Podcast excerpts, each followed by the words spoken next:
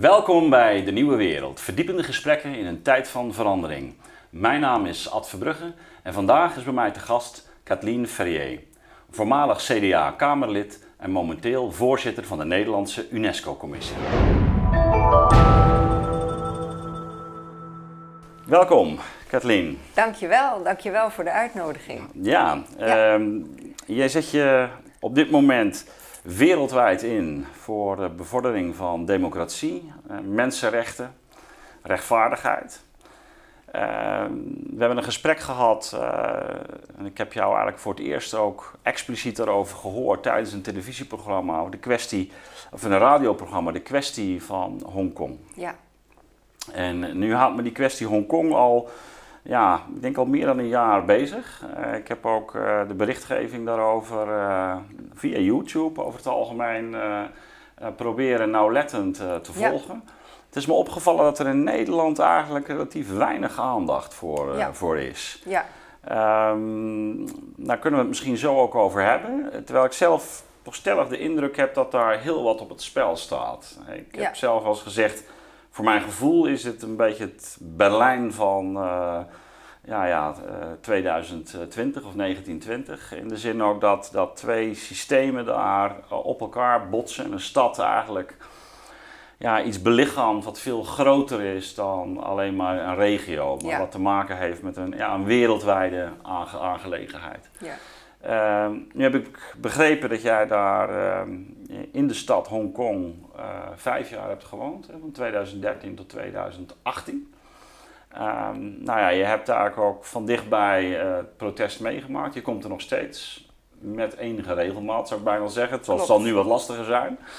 Ehm, nou, daar, wil ik het graag met je over hebben. Ehm, we gaan natuurlijk naar het heden toe en hoe we hier verder moeten. Maar misschien voordat we dat doen, eh, ja, toch even een terugblik. Ja, hoe moeten wij de kwestie Hongkong begrijpen vanuit ja, de geschiedenis? Ja. Mag Ja. ik misschien allereerst zeggen dat ik ontzettend blij ben met de aandacht die je hebt voor Hongkong. In die vijf jaar dat ik daar Mhm. gewoond en gewerkt heb, heb ik enorm mijn best gedaan middels artikelen, eh, via radio, om te zeggen: mensen, kijk eens naar wat hier gebeurt. Het is echt heel belangrijk. Dus ik ben heel blij Ja, nou, eh, met Ja. deze gelegenheid. Eh, Hongkong is ehm, jarenlang, ehm, decennia lang, een kroonkolonie geweest van de Britten.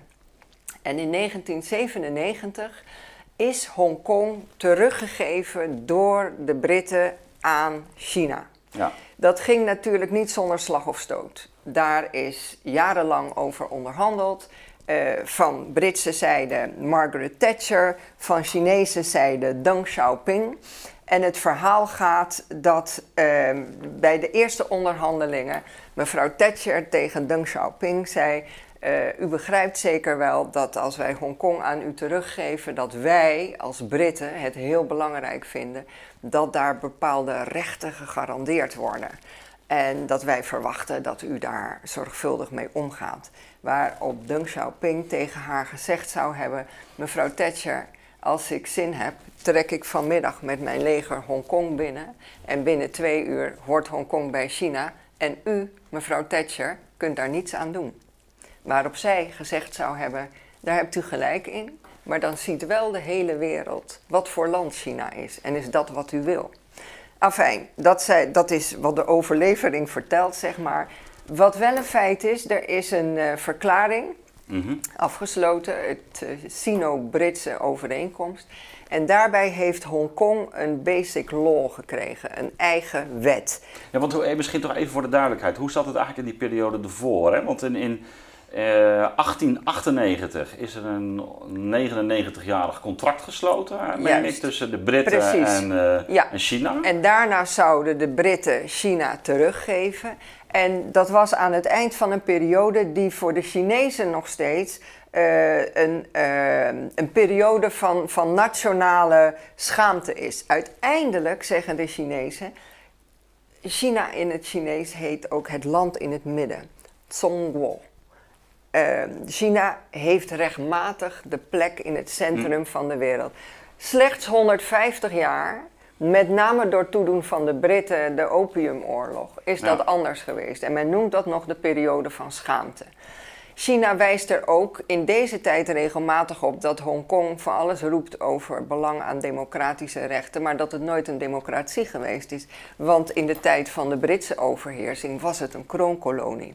Die dus uiteindelijk op grond van een aantal afspraken is teruggegeven aan China met de belofte dat gedurende 50 jaar die garanties voor democratie en rechtsstaat, voor bepaalde burgerrechten, uh, gegarandeerd zouden ja, zijn. Want, want je, je zegt het was inderdaad geen democratische uh, staat natuurlijk. Nee, het was een kolonie. het was een, een, kolonie, kroonkolonie. Betekende wel, de rule of law was, bestond wel. Ja. Dus men had, laten we zeggen, elementaire tot burgerrechten. Ja. Uh, niet, niet onbelangrijk.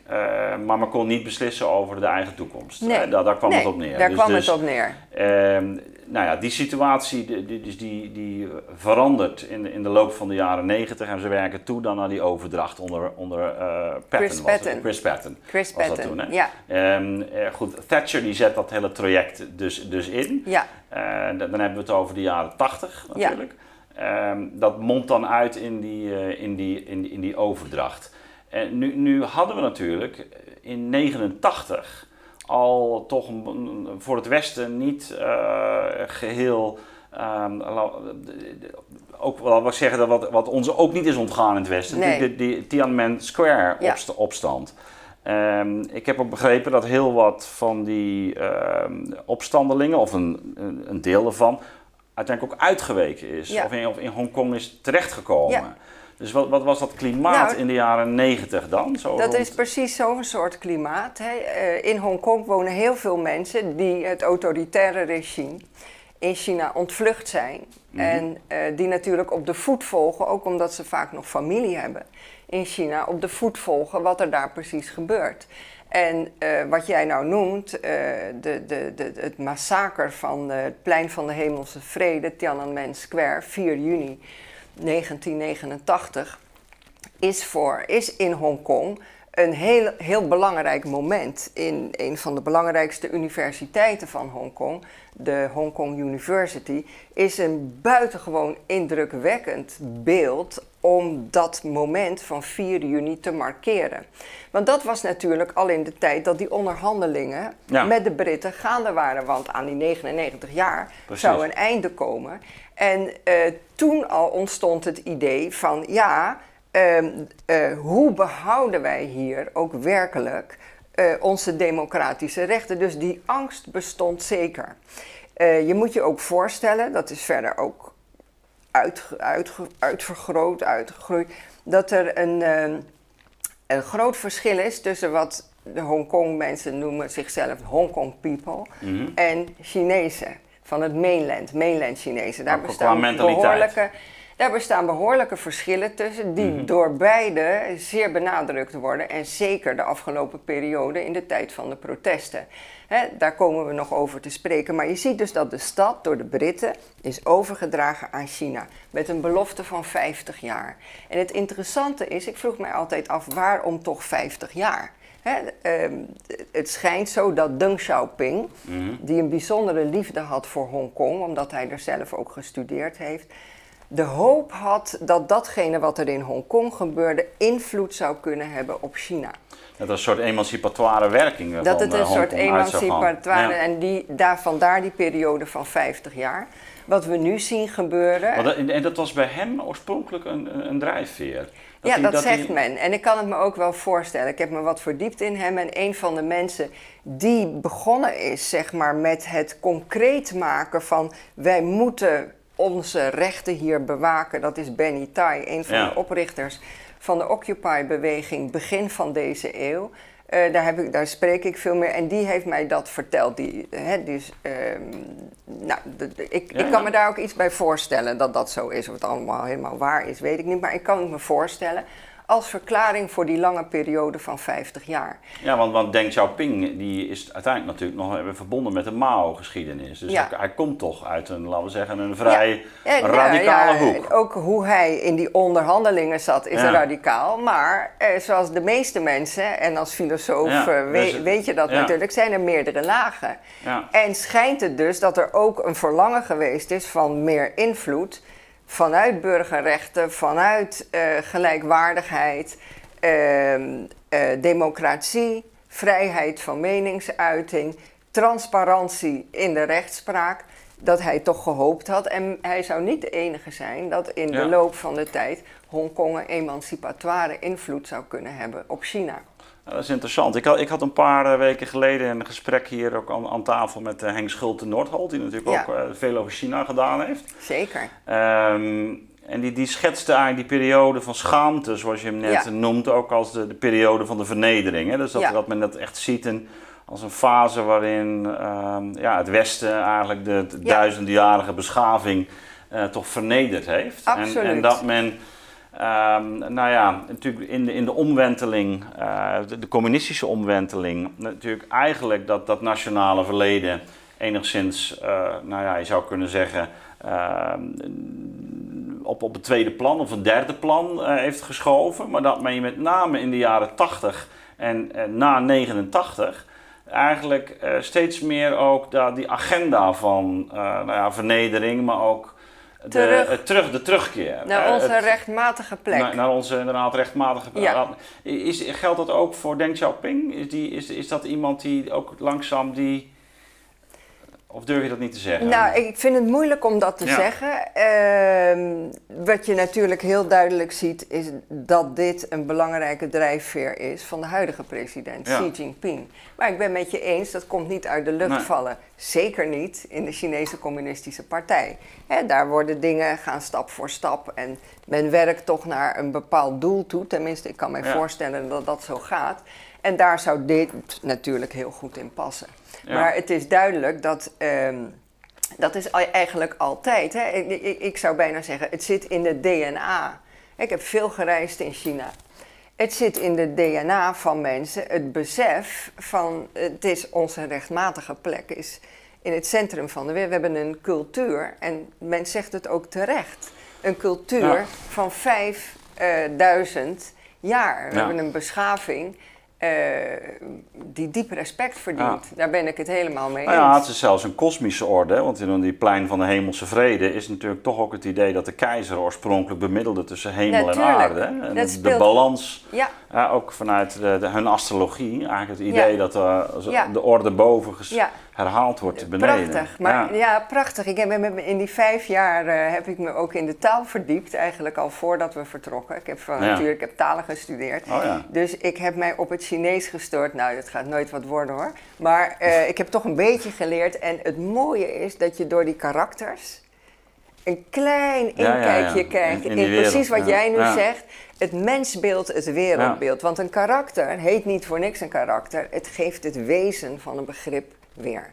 En dus China, het woord, het Chinese woord, het land in het midden, verdient ook die ja, dat plek, is het. die manier dat, dat centrum waardoor de, de, de boel in evenwicht uh, ja. blijft. Ja, ja. en dat, dat zit in het DNA van mensen. Hè? Het besef van, we zijn niet zomaar een cultuur. En als je die cultuur leert kennen, het mensbeeld, het, het wereldbeeld, dan, uh, dan begrijp je dat ook. Ja. Ja. Ja, nou, nou staat het denk ik ook buiten kijf dat het een grootste beschaving is, ook een oude beschaving. Dat geldt trouwens ook voor India. Um, het interessante is dat die twee natuurlijk op dit moment behoorlijk op gespannen voet uh, leven met elkaar. Dus we zullen zien wat, wat de toekomst brengt wat dat, wat dat betreft. Ze hebben net natuurlijk dat grensconflict gehad uh, vorige week. dus dat wordt ongetwijfeld nog een hele nou, nou ja, spa spannende decennia. Het is een voortdurende strijd. Hè? Wie wordt de leider van Azië? Ja, maar je zei zo even, er is toch wel een verschil tussen die Hongkonezen en, en ja, de Chinezen. Ja. Hoe, hoe, zou je dat zelf typeren? Uh, het is uh, heel bijzonder om mee te maken hoe eigenlijk mensen uit Hongkong uh, een beetje neerkijken op mainland Chinezen. Toen wij net in Hongkong woonden, eh, hebben de kranten echt drie weken volgestaan van een incident. Er was een mainland koppel, een echtpaar met een kindje van drie jaar. En die hebben in het drukste deel van de stad Mongkok, uh, winkelgebied, winkelstraten, die hebben het kindje langs de kant van de weg zijn behoefte laten doen. En dat was in Hongkong echt, mensen waren upset. Echt, echt geschokt. Geschokt. Hè? Uh, ze hebben geen fatsoen. Dit doen wij niet hier in Hongkong. Dus je hebt zo'n soort verschil. Uh, anderzijds uh, vinden de mensen in China, Hongkong people, enorm verwende mensen. En we komen straks over die protesten ja. te spreken. Dat soort verschillen tussen beide uh, bevolkingen van de stad Hongkong en mainland China zijn enorm verscherpt. Als ik het dan kort samenvat, zou je dan kunnen zeggen dat bij die Hongkonezen en het idee is van, nou wij zijn beschaafder. Wij zijn eigenlijk uh, nou ja, wat verder in de ontwikkeling. Wij spugen niet op de grond. Wij, precies, dat blijkt eigenlijk uit allerlei gedragingen. Uh, maar heeft misschien inmiddels ook een soort politieke dimensie gekregen. Absoluut, ja. Dat is, daar, dat is deze dimensie totaal ontstegen. Uh, en het gaat nu inderdaad, het gaat om de identiteit van de stad. Wat is de identiteit van Hongkong die anders is dan iedere andere grote stad in nou, China? Nou is er natuurlijk de laatste uh, twintig jaar een grote groep uh, Chinezen uit het vasteland in Hongkong komen wonen. Ja. Ook, ook uh, dus behoorlijk wat kapitaal ook in de stad uh, ja. terechtgekomen. Ja. ja. heeft dat ook laten we zeggen, bijgedragen aan die spanning tussen uh, nou ja, China, vasteland versus Hongkong? Uh, tot voor kort, ja, nou, tot voor kort eigenlijk niet zozeer. Hè. Mm -hmm. uh, men, men, men leefde met elkaar ook omdat men in Hongkong heel goed weet dat men voor een belangrijk deel ja. afhankelijk is van het kapitaal uit mainland China. Um, en wat Hongkong natuurlijk interessant maakt, ook voor China, is het feit dat Hongkong het scharnierpunt is tussen Oost en West. Dat ja. betreft cultuur, maar dat betreft ook de bankaire wereld, dat betreft de zakenwereld. Dus mensen die zaken willen doen vanuit het Westen, zeg maar, in China, die vestigen zich graag in Hongkong. Waar je uh, waar het is administratief. De het ja. is de springplank waar je ook verzekerd bent van bepaalde democratische waarden. Ja. Van vrijheid van meningsuiting, van transparante rechtspraak. En andersom ook Chinezen die interesse hebben in het doen van zaken met uh, Europa, Amerika, Noord- en Zuid-Amerika of wat dan ook, die vestigen zich graag in Hongkong. En dat geeft een grote waarde aan de stad. Um, op het moment van de handover, het moment dat Hongkong werd teruggegeven aan China, was Hongkong economisch van groot belang. Ik geloof dat uh, 18 procent, ik weet het niet helemaal precies, maar in ieder geval een behoorlijk percentage van het bruto nationaal product uh, kwam uit Hongkong. Vandaag de dag is het 3% hooguit. Dus financieel, economisch is Hongkong voor China niet meer zo belangrijk. Wat wel belangrijk is, is dat het een scharnierpunt dat, is. Nog steeds, hè? Dat is, Precies. Uh, ook al, Precies. waar het gaat om de financiële uh, wereldhandel. Ja. Dat is, dat is, Ja. is Hongkong echt nog de, de plek Ja. in Azië. Dus Ja. dat is, in die zin staat Dat er natuurlijk nog- dat ook is- nog steeds veel op het spel. Ook, staat veel op het spel en waar China natuurlijk ook voortdurend mee bezig is, ook heel bijzonder om dat van dichtbij mee te maken, eh, is om te benadrukken dat Hongkong zich niet te veel in het hoofd moet halen. Dat het uiteindelijk maar een vrij kleine stad is in vergelijking met Chinese steden. En net over de grens met China ligt de stad Shenzhen. ja, dat is- dat is natuurlijk reusachtig. Dat die, die stad die heb ik in de jaren dat we daar zien wonen. En daar wonen Ja. twee keer zoveel inwoners als in Hongkong. En daar is Die is een- ook ongelooflijk gegroeid, hè? Die is in, in- Nee, die in- is- Dat ja. is geloof ik in, in 20 jaar of 30 jaar. 30 is die jaar van rijstvelden. Ja. Dat is het nu een stad met eh, nou, twee keer zoveel, dus 14 miljoen. Ik denk vandaag de dag al 15 miljoen inwoners. Waarbij het interessant is, vind ik, om te weten wat de gemiddelde leeftijd is van deze mensen in deze stad. Namelijk? Wat denk je? Ja, ik heb geen idee. Eh, d- eh, 25. Dus de, de hele jeugd. eh, Nou, in, in alle steden heb je veel jeugd, maar Shenzhen, dat is eigenlijk al is het Silicon Valley gepasseerd. Dus veel start-up, jonge ondernemers. Je ziet de ene wijk na de andere uh, ontstaan. 25. En je ziet dus een vliegveld, wat uh, ik vind het vliegveld van Hongkong fantastisch, zeker als ik het met Schiphol vergelijk. Maar wat daarin nu is neergezet is nog vele malen efficiënter, sneller, mooier dan in Hongkong. dus hè, eh, China laat zien van uh, je hoeft niet uit Hongkong te vertrekken, je kan ook uit Shenzhen vertrekken. Snap je wat ik bedoel? Ja. Dus iedere keer wordt dat benadrukt. Nou, dat is een beetje uh, de setting, de sfeer waarin dingen gebeuren. Als inderdaad uh, begin van deze eeuw een groep mensen, dus onder andere Benny Tai, professor law, rechten aan de Universiteit van Hongkong zegt: het is helemaal niet zo gegarandeerd dat wij deze rechten kunnen behouden. We moeten ervoor opstaan. En dat, wat, dat was voor een deel van, nou ja, laten we zeggen, de, de elite eh, of een deel van de meer ontwikkelde, was dat eigenlijk al heel snel duidelijk. Ja. Dat dat, dat, dat een risico Dat het bepaald niet vanzelfsprekend is. Komt natuurlijk ook door Tiananmen Square. Ja. iets waar mensen in China zelf niet eens iets van weten, maar iets wat in Hongkong ieder jaar herdacht wordt. Heel groot herdacht. Het was dit jaar was echt heel ja, pijnlijk dat het niet kon. we kwamen altijd bij elkaar met duizenden mensen. Je zegt we? Je, je, hebt daar zelf ook aan deelgenomen? Natuurlijk, ik was daar altijd op 4 juni. Met mijn telefoon als licht, met mijn kaarsje en het zingen van de liederen. Het altijd heel emotionerend. En dit jaar voor het eerst was het verboden. Vanwege COVID natuurlijk. Maar in de context van het heden was het voor mensen echt, het licht gaat nu uit. Maar ehm, goed, dat is aan het eind dan van een lang proces. Maar begin van deze eeuw waren er dus al mensen die zeiden van ja, we moeten uh, hier, uh, hiervoor opkomen. Het is niet vanzelfsprekend. En in lijn met de andere Occupy-bewegingen, zoals in New York en zo, is men begonnen met Occupy Hongkong. Om op te komen voor burgerrechten. Ja, want het is wel opvallend dat de Occupy uh, had bij ons natuurlijk heel uitdrukkelijk te maken met die financieel-economische problematiek. Ja. Hier heeft, het een bredere agenda. Of een het... bredere agenda, maar nadrukkelijk wel Occupy genoemd. Ja. Eigenlijk een. Maar als een, soort, als, als een soort tegen de gevestigde soort, orde. Ja, ja. Tegen de gevestigde orde. En, ze hebben ook uh, dat soort Occupy-bezettingen gehad, zoals we, wij bijvoorbeeld hier in Amsterdam nou, hadden of in, uh, in New York? Uh, veel minder, maar dat is groot geworden in 2014 in 2014 is eigenlijk, zou je kunnen zeggen, de Occupy-beweging. Uh, die eigenlijk heet Occupy Central with Love and Peace. Central, dat mhm. is het economische hart van Hongkong. Bezet dat met liefde en vrede. Is eigenlijk overgenomen door de studenten in 2014.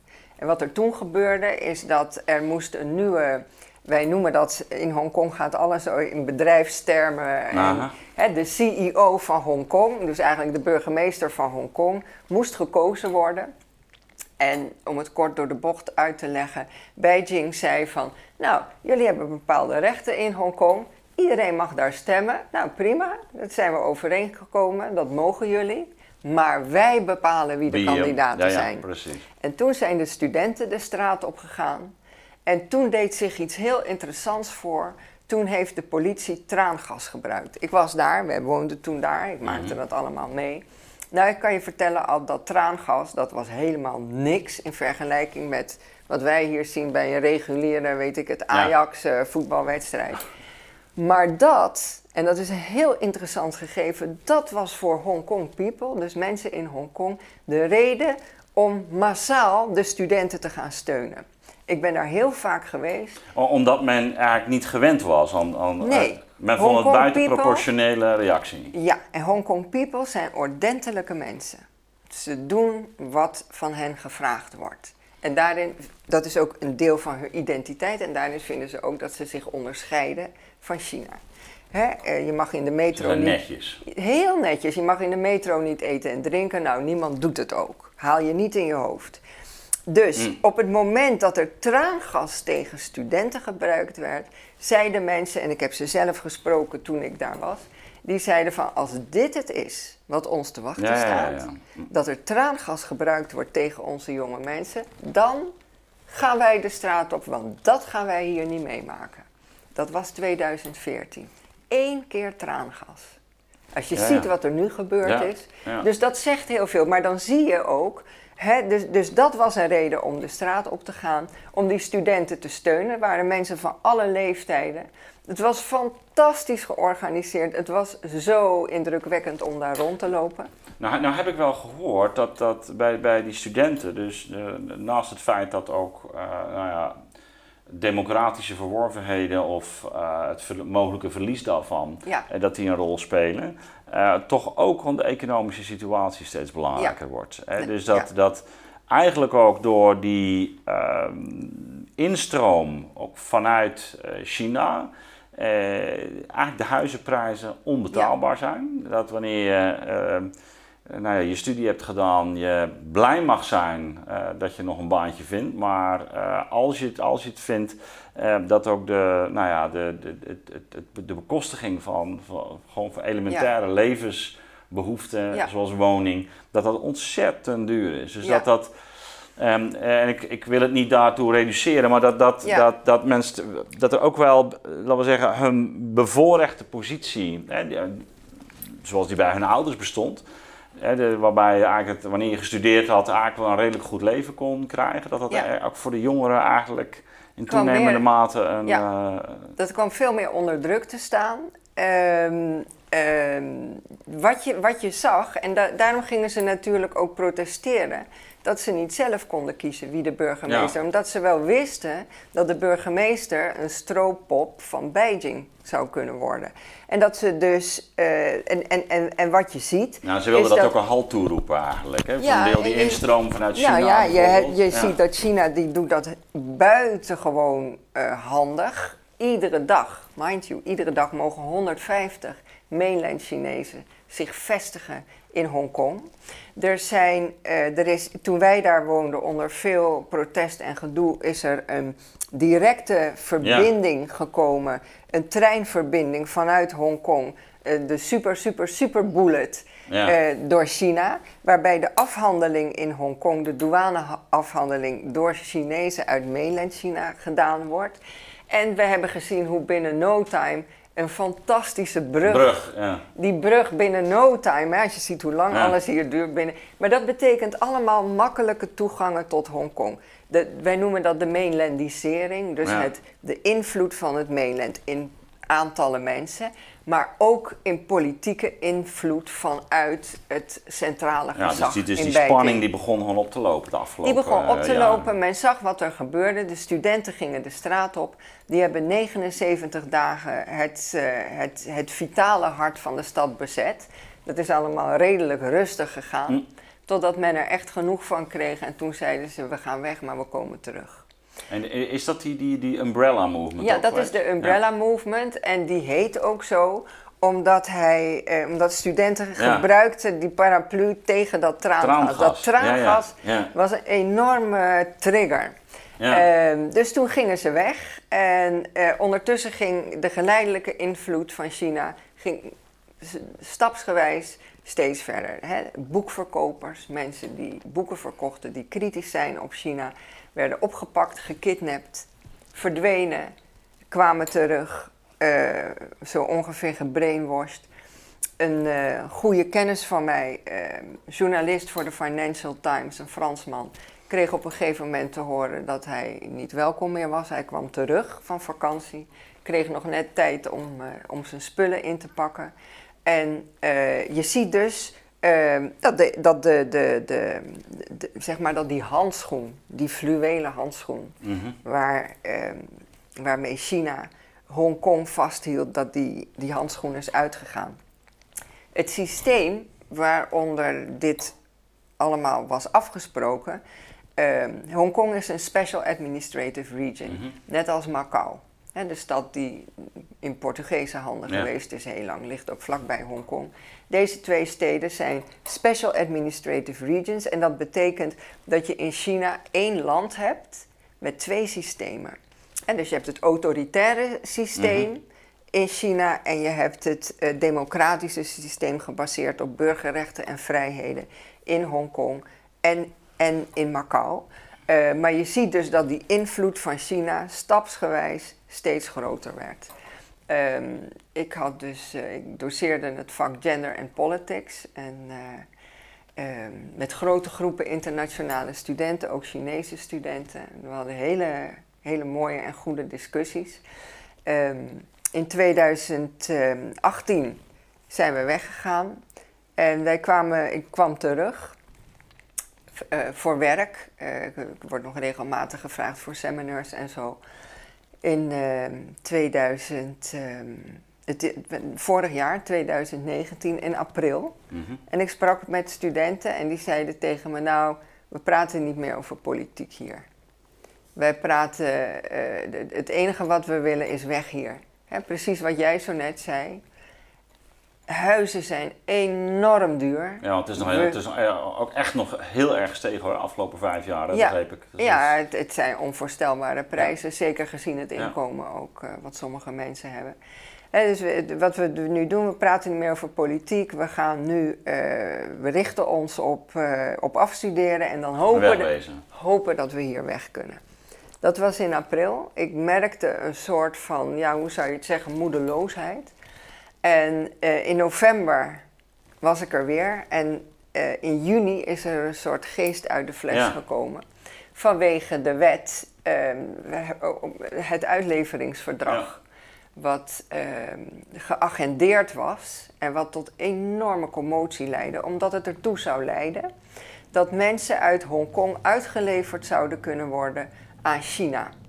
En op dat moment zeiden mensen: als dat gebeurt, dan verliest onze stad haar identiteit. Maar betekent dat ook dat die angst voor, voor China in de loop der jaren zo was gegroeid? Dat men dat echt als een soort schrikbeeld ja, ziet? Op grond van wat ik je zei, hè? dus heel langzaam, heel ja. gelijkmatig merk je dat de invloed van China steeds groter wordt. En, en, en wie heeft toen eh, dus, dus die, die, die zaak op de spits gedreven vorig jaar juni? Wie heeft dat opgepakt? Zijn dat weer de studenten? Een, of, ja, of? Nou, nou, nee, een, een, iets bredere groep, zeker ook de studenten, uh, maar ook de Occupy-beweging. Mm -hmm. Ja een, uh, een, een, een, bredere groep heeft gezegd van uh, als dit gebeurt, dan verliezen we onze identiteit als stad. Omdat we dan geen transparante rechtspraak meer kunnen garanderen. En dat treft ook het bedrijfsleven. Want waarom komt men hier in dat scharnierpunt Vanuit die veiligheid van, van de rule of law. Van de rule of law. En die, ja. die is er straks niet meer. Dus dat was de reden dat men massaal de straat op ging. Maar was dat niet een overtrokken reactie? Nee, ik denk het niet. Nee?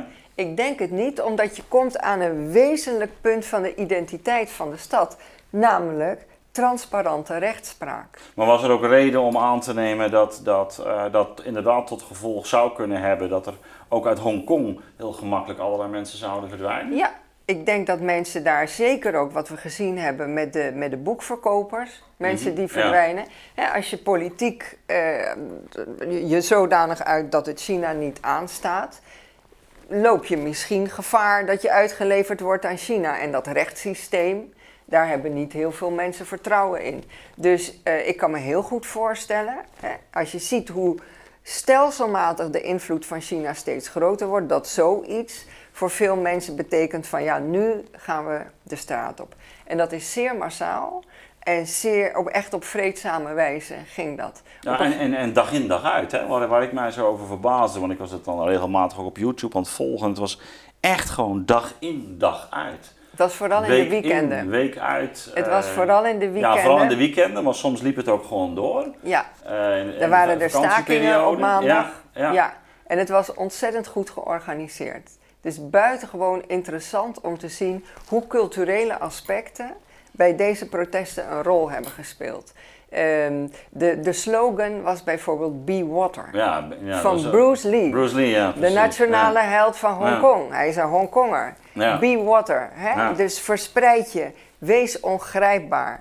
Eh, water kan allerlei vormen aannemen. Het kan hard als ijs worden. Het kan verdampen. Het kan verdwijnen. Het komt in alle gaatjes. En ehm, eh, dus die protesten, dat, dat is heel breed opgepakt, omdat het echt, men voelt, het gaat om de identiteit van onze stad. Um, bovendien heeft Hongkong ook wel een geschiedenis met protesten. in 2003 werd er een veiligheidswet voorgesteld, waar, die er ook toe leidde dat mensen massaal de straat op gingen. Um, heeft toen ook tot heel veel gedoe geleid. Maar uiteindelijk is die wet vrij snel ingetrokken. Ehm, nou, nu heeft het allemaal veel langer geduurd. En het is interessant om te zien dat de burgemeester van Hongkong in al haar reacties het politieke probleem niet heeft opgepakt. Het feit dat mensen zeggen we raken de identiteit van onze hm. stad kwijt. Wat ze gedaan heeft is uh, uh, mensen die zich niet gedragen zoals zij vindt dat het zou moeten, straffen.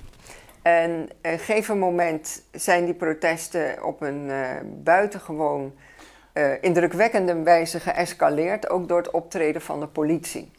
Ik vertelde je, in 2014 was dat ene uh, traangasbommetje reden voor enorme verontwaardiging. Ik weet niet hoeveel traangas hier er aan te pas is gekomen. Um, en de zaak is echt volledig geëscaleerd. Ik was in november van het jaar, vorig jaar in Hongkong. Er waren toen verkiezingen. De eerste persoon naar wie ik toe ging vanuit het vliegtuig is Benny Tai. Mhm. Die hele bijzondere ideeën heeft over democratie. Hij zegt wat we hier zien, en ook daarom is Hongkong interessant om naar te kijken voor de rest van de wereld. Wat we hier zien is dat uh, wij een eigen manier moeten vinden om democratie te versterken niet denkend vanuit een top-down model met politieke partijen en uh, uh, alles wat erbij hoort. Dat heb je nodig, maar dat houdt geen stand als je niet zorgt dat middels netwerken mensen het gevoel hebben dat ze zelf het recht, het heft in eigen hand, niet het recht, het heft mhm. in eigen hand kunnen nemen en daardoor democratie inhoud geven. Het heeft er in ieder geval toegeleid, mede toegeleid, dat bij die verkiezingen, uh, ik was daar in Hongkong eind november, een enorme overwinning voor de pro-democratische partijen was in wat je zou kunnen zeggen deelraden. Dus niet de meest invloedrijke mhm. plekken, maar wel een belangrijk signaal naar het bestuur van Hongkong en zeker ook een signaal naar Beijing. Uh, het was ook indrukwekkend uh, om te zien hoe enorm ook daar de zaak gepolariseerd was in die periode tussen april en november. Hè, dit was in april voor het laatst, toen hadden mijn studenten zoiets van, nou, wegwezen hier. Nu sprak ik ze weer. Nu zeggen ze, we gaan tot het laatste door. Ook al weten we dat we het misschien niet zullen winnen, dan dat we tegen onze kinderen en kleinkinderen kunnen zeggen: we hebben ons niet kun, zonder Kun je nou verklaren dat zo'n uh, omslag optreedt? Want je zou zeggen, ja, is het dan met de moed der wanhoop? Is het, uh, eh, omdat je dus eerder een situatie schetst waarin eigenlijk de moedeloosheid ja. zo werd gevoeld en men eigenlijk afscheid wil nemen, dat er kennelijk een soort omslag plaatsvindt waarin men zegt, uh, ja. bijna over ons lijk. Ja, ik denk dat twee dingen daar een belangrijke rol in hebben gespeeld. In de eerste plaats dat men zag hoe massaal de opkomst was. Ja, het versterkte elkaar. Dus, het versterkte elkaar. Uh, twee miljoen mensen zijn op een gegeven moment in juli de straat opgegaan. Op een bevolking van 7 miljoen mensen. En het ging geordend. Uh, wat je ook zag, was dat die protesten een enorme uitlaatklep werden voor gevoelens van culturele identiteit van de stad. Ja, dat heb je natuurlijk vaker bij vijandschap. Hè? Dat dat ook het vijandschap, of in ieder geval oneenigheid, dat dat juist op het moment dat je onder druk gezet wordt, je, je, ja. Uh, ja, je gemeenschappelijk uh, ja. je identiteit krijgt aan dat verzet. Maar het bijzondere was dat hier werd dus vaak gezegd van ja, wie is de leider? Hè? Dat hoor je vaak. Wie leidt dit nou? Ook als we het nu over de antiracisme bij uh, demonstraties hebben, wie leidt dit? Uh, het interessante is dat er niet echt een leider was, maar dat internet Hè? Het, het, elkaar, het geven van berichten via je telefoon, via AirDrop, Telegram. Zo werkt het. Iedereen had invloed. Uh, er werd democratisch beslist waar gaan we naartoe, wat gaan we doen, hoe lang gaan we het doen. Waar de pols op je telefoon. Zo werden er afspraken gemaakt. Als mensen iets nodig hadden, als er ergens in de frontlinie water nodig was, had men een gebarentaal om dat uh, binnen no time voor elkaar te krijgen. Ja, nou, nou, nou, hebben ze daar natuurlijk ook echt wel wat mee bereikt. In de zin van dat, dat, dat wetvoorstel, uh, dat uitleveringsvoorstel, dat werd inge, ingetrokken.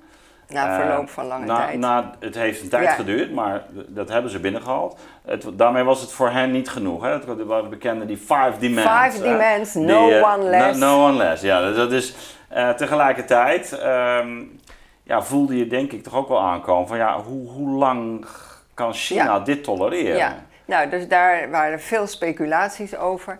Ik heb ook altijd gezegd, China gaat Hongkong niet binnenvallen. Uh, in de eerste plaats is dat heel lastig in die kleine smalle straten van Hongkong. Bovendien, net als in de tijd met Margaret Thatcher en Deng Xiaoping, dit zou enorme reputatieschade ja. voor China opleveren. Dat gaat ze niet doen. Bovendien, Ad, ze hebben het helemaal niet nodig. Ze hebben zoveel andere manieren om die grip op die stad te versterken. Uh, en dat zie je dus ook gebeuren. Uh, als je, kijk, we kregen toen COVID. COVID-19, ja. waardoor mensen niet meer bij elkaar konden komen. Hongkong, getraumatiseerd door SARS ja. en MERS begin ja. deze eeuw, heeft heel snel en heel efficiënt gehandeld. Iedereen moest binnenblijven. Uh, mensen doen dat ook, want het zijn ordentelijke mensen en iedereen is bang voor virussen. Ja. Dus uh, men kon ook niet meer bij elkaar komen. En weer zag je iedere keer die invloed van China toenemen. Bijvoorbeeld half april. Het was een, ja, ik vond het echt shocking om te zien dat 15 mensen uh, werden opgepakt. Mm -hmm. Waaronder mensen als Margaret Ng, een belangrijke mensenrechtenactivist, maar ook uh, Martin Lee, zeg maar de vader van de democratie, de oprichter van de Democratische Partij in Hongkong. Uh, een man op leeftijd. En daarmee werd een signaal afgegeven van zonder aanziens des persoons. China is bereid, Hongkong is bereid, iedereen die tegen is, vast te zetten en op te pakken. Speelt ook bij dat er in september verkiezingen zijn. En dat als er een rechtszaak tegen jou loopt, je niet mee kan doen met verkiezingen. Dus het zijn allemaal signalen van uh, hè, Hong, Hongkong, Hongkong, maar breder ook in de Zuid-Chinese zee. Is eigenlijk China bezig haar achtertuin schoon te maken nu de hele wereld bezig is met COVID-19. En, uh, ja, je ziet wel een versnelling op dit moment? Ja, absoluut. absoluut. Ik, zie, ik zie een versnelling in Hongkong. Hè, dus wat ik ja. nu zeg, het vervangen van uh, um, regeringsleden, uh, mensen van de regering en natuurlijk, wat we nu mee ja. te maken hebben, de veiligheidswetgeving ja. die in Beijing is aangenomen tijdens het congres van de Communistische Partij China en die ervoor moet zorgen dat staatsondermijnende activiteiten, en dat betreft dan daden van afscheiding, van terrorisme, van oproer, van opruiing en buitenlandse inmenging. Ja, en de belediging, belediging van het volkslied. Hè? Dus, uh, dat speelde al ja. eerder, ja. want daar hadden we bij uh, uh, mensen die lid werden van de volksvertegenwoordiging, die hadden het volkslied en de vlag beledigd. En juist dat soort culturele aspecten, dat komt enorm binnen, dat wordt niet getolereerd. En um, dus. Um, maar hoe. Maar hoe, hoe um, eh, in een situatie waarin je ziet dat, dat eigenlijk er een zekere animositeit bestaat tussen ja. die twee groepen, vinden misschien die vaste landen zo langzamerhand ook wel tijd ja. dat er eens orde op zaken wordt gesteld. Ja, nee, dat vinden ze ook. En ze vinden het ook terecht dat uh, mensen in Hongkong een toontje lager ja. gaan zingen. Ja, dat vinden ze. Ja. En anderzijds hè, zeggen, de, zeggen Hongkong people dus van ja, uh, wij hebben nu eenmaal bepaalde rechten en die hebben wij tot 2047. We hadden het zo even over Deng Xiaoping, hè, hoe die uh, misschien wel de, de gedachte heeft gehad dat er een soort van geest van vrijheid of democratie vanuit Hongkong uh, het vasteland zou bereiken. En moeten we nu langzaam de conclusie trekken dat, dat eerder het omgekeerde het ja, geval is? Nou, het is al lang het geval. Het is al lang het geval. Vandaar ook dat mensen nu zeggen. hè, dus met die protesten vorig jaar, met de moed der wanhoop. Dat speelt zeker, denk ik, ook een rol. Ehm, en dat je nu, wat ik van iedereen terughoor, nu heerst er een sfeer van weer van moedeloosheid. Zo van 4 juni inderdaad, voor het eerst in al die jaren dat 4 juni de gebeurtenis, het plein van de hemelse vrede in 89 niet herdacht mocht worden. is een moment dat het licht uitging. En je ziet dus een steeds assertiever China dat in Hongkong laat zien wie het uiteindelijk voor het zeggen heeft. In de regio ook. De herverdeling van de Zuid-Chinese zee. Hè, dat gaat ook alsmaar door. En tegelijkertijd benut China dit COVID-tijdperk eh, om dus zijn achtertuin schoon te maken. En tegelijkertijd door een prachtige COVID-diplomatie eh, indruk te maken. Ja, nou, Verdeeldheid in Europa te bevorderen. Ja, nou ja, dat, dat, dat, zien we ook op dit moment natuurlijk. Het is, het is opvallend dat Europa zijn vingers er niet aan lijkt te willen branden. Amerika, eh, Trump is er wat uitgesprokener in. Die gebruikt het misschien ook weer op zijn eigen manier. Niet ehm, erg uh, gunstig. Nee, nee. Dat, tegelijkertijd zien we ook wel dat het congres zich erover uitgesproken heeft. Het is meer dan Trump alleen. Um, maar goed, de, de, de, vraag is natuurlijk waar gaan we de komende jaren naartoe en wat betekent dat voor Europa? We begonnen zo even met dat, dat idee van een Berlijn. Hè? Berlijn waarin twee systemen ja. uh, elkaar ook uh, tegenkwamen. Um, nou, er werd ten aanzien van Hongkong-China wel gezegd one country, two systems. Hè? Absoluut. Um, maar goed, dit gaat al lang niet meer alleen over één country. One world, two systems. Een autoritair deel en een deel dat zich beroept op liberaal-democratische waarden. Ehm, dus wat dat betreft is Hongkong inderdaad heel belangrijk. Ehm, en wat je ziet, en dat is ook de reden dat ik al die jaren dat ik daar was, zei van mensen in Europa, Nederland ook, jullie kijken altijd naar het Westen. Naar Amerika. Draai mhm. die blik eens een keer om, kijk eens wat hier gebeurt. En stellen ze agenda op van hoe ga je om met China. Kijk, China wordt natuurlijk een belangrijk punt bij de verkiezingen in uh, Noord-Amerika. En ook Biden zal zich niet erg positief uitlaten over China. Dat bevordert de situatie niet. Maakt het des te belangrijker dat Europa hier een leidende rol pakt. En uh, ik zie erg uit naar het voorzitterschap van Duitsland. Mm per 1 juli, hè, straks is Duitsland voorzitter van de Europese Unie. Ik was uitgenodigd via Konrad Adenauer Stiftung, waar ik veel mee heb samengewerkt in China, om een, een discussie mee te maken. En waarin Angela Merkel ook klip en klaar zegt: hoofdpunt van mijn agenda in het komende half jaar is hoe gaan wij om met China. En ik ben daar heel erg blij om. Ik denk dat het van belang is dat je, om te beginnen als Europa, je bewust ervan wordt dat China eigenlijk al overal zit. China gebruikt niet de, de, de, de, de post-Koude Oorlog tactieken van Rusland, hm. die openlijk ingrijpt en doet. China gebruikt wat we noemen sharp power.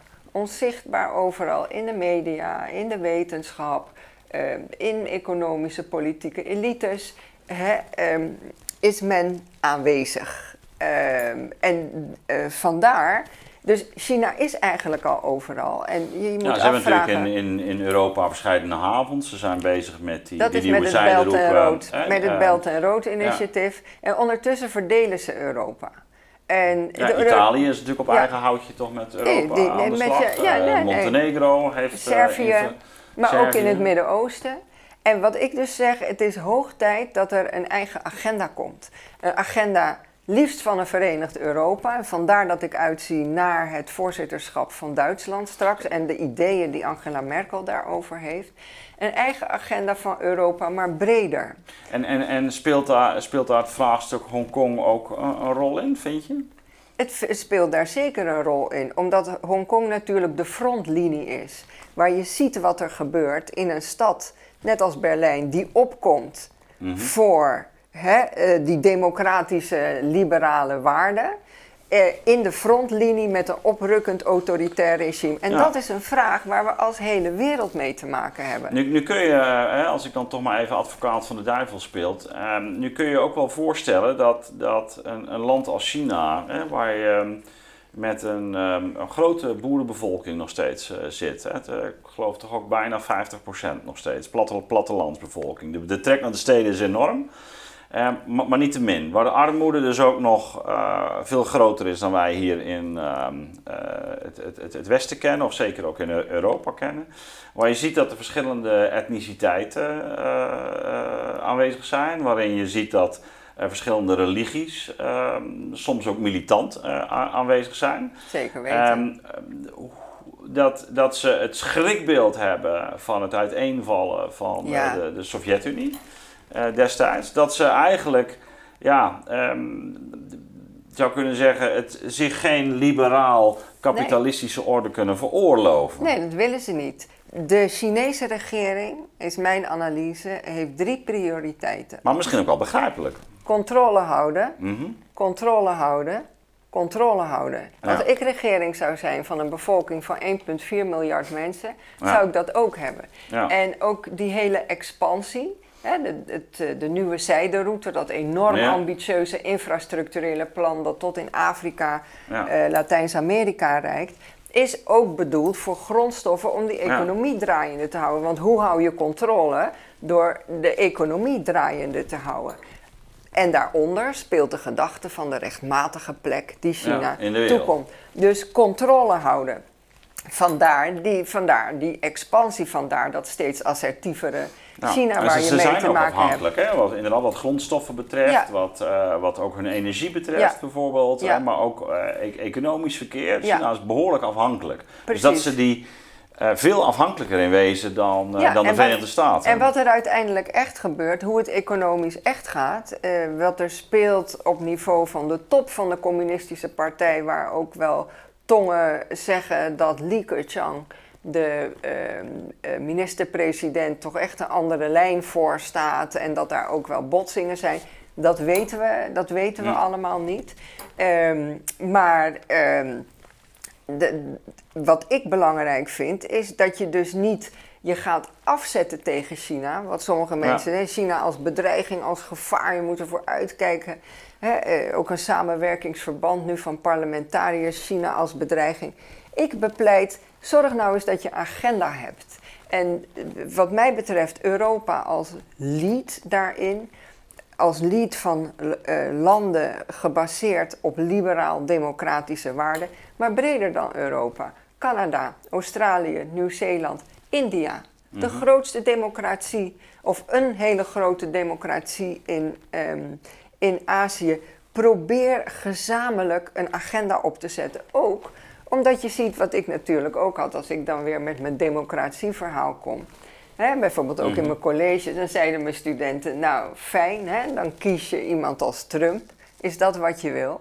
Hè? Wij kunnen de wereld laten zien dat onze manier van autoritair kapitalisme eigenlijk een veel beter alternatief is voor al die democratieën van jullie. Ja, wat ik, wat ik soms uh, wel enigszins verontrustend vind, uh, dat merk ik zelfs ook uh, bij eh, een deel van de academici, dat men ehm, bijna deze redenering gaat volgen. Dat men zegt, nou, maar dat, is de, dat China, dat is zo gek nog niet. Dat is zo gek een, nog een, niet. Een, een, autoritair regime, dat is zo gek nog niet. Maar wat, wat zou jij daarop op antwoorden? Nou, ik vind dat je, uh, dat je allereerst neem kennis van wat China is, waar je het over hebt. Neem kennis van dat land. Nemen we dat ernstig genoeg? Nee, helemaal niet. Er is veel te weinig kennis. De regering is ehm, vorig jaar gekomen met een China-notitie.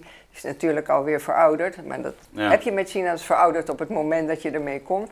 En gelukkig heeft men daarin als prioriteit ook aangegeven het vergroten van kennis. Want die is er niet. Ehm, en het moment dat je dat kon zien was met het, het hele COVID-gebeuren. Ach, het was een virus uit China. Als dit virus in de Verenigde Staten was begonnen, had men het veel serieuzer genomen. Het is nog altijd een idee van het is een beetje achtergebleven gebied. En uiteindelijk hebben wij hier in het Westen, in Europa, wij hebben het uiteindelijk voor het zeggen. En mm. die tijd, Ad, is mm. echt voorbij.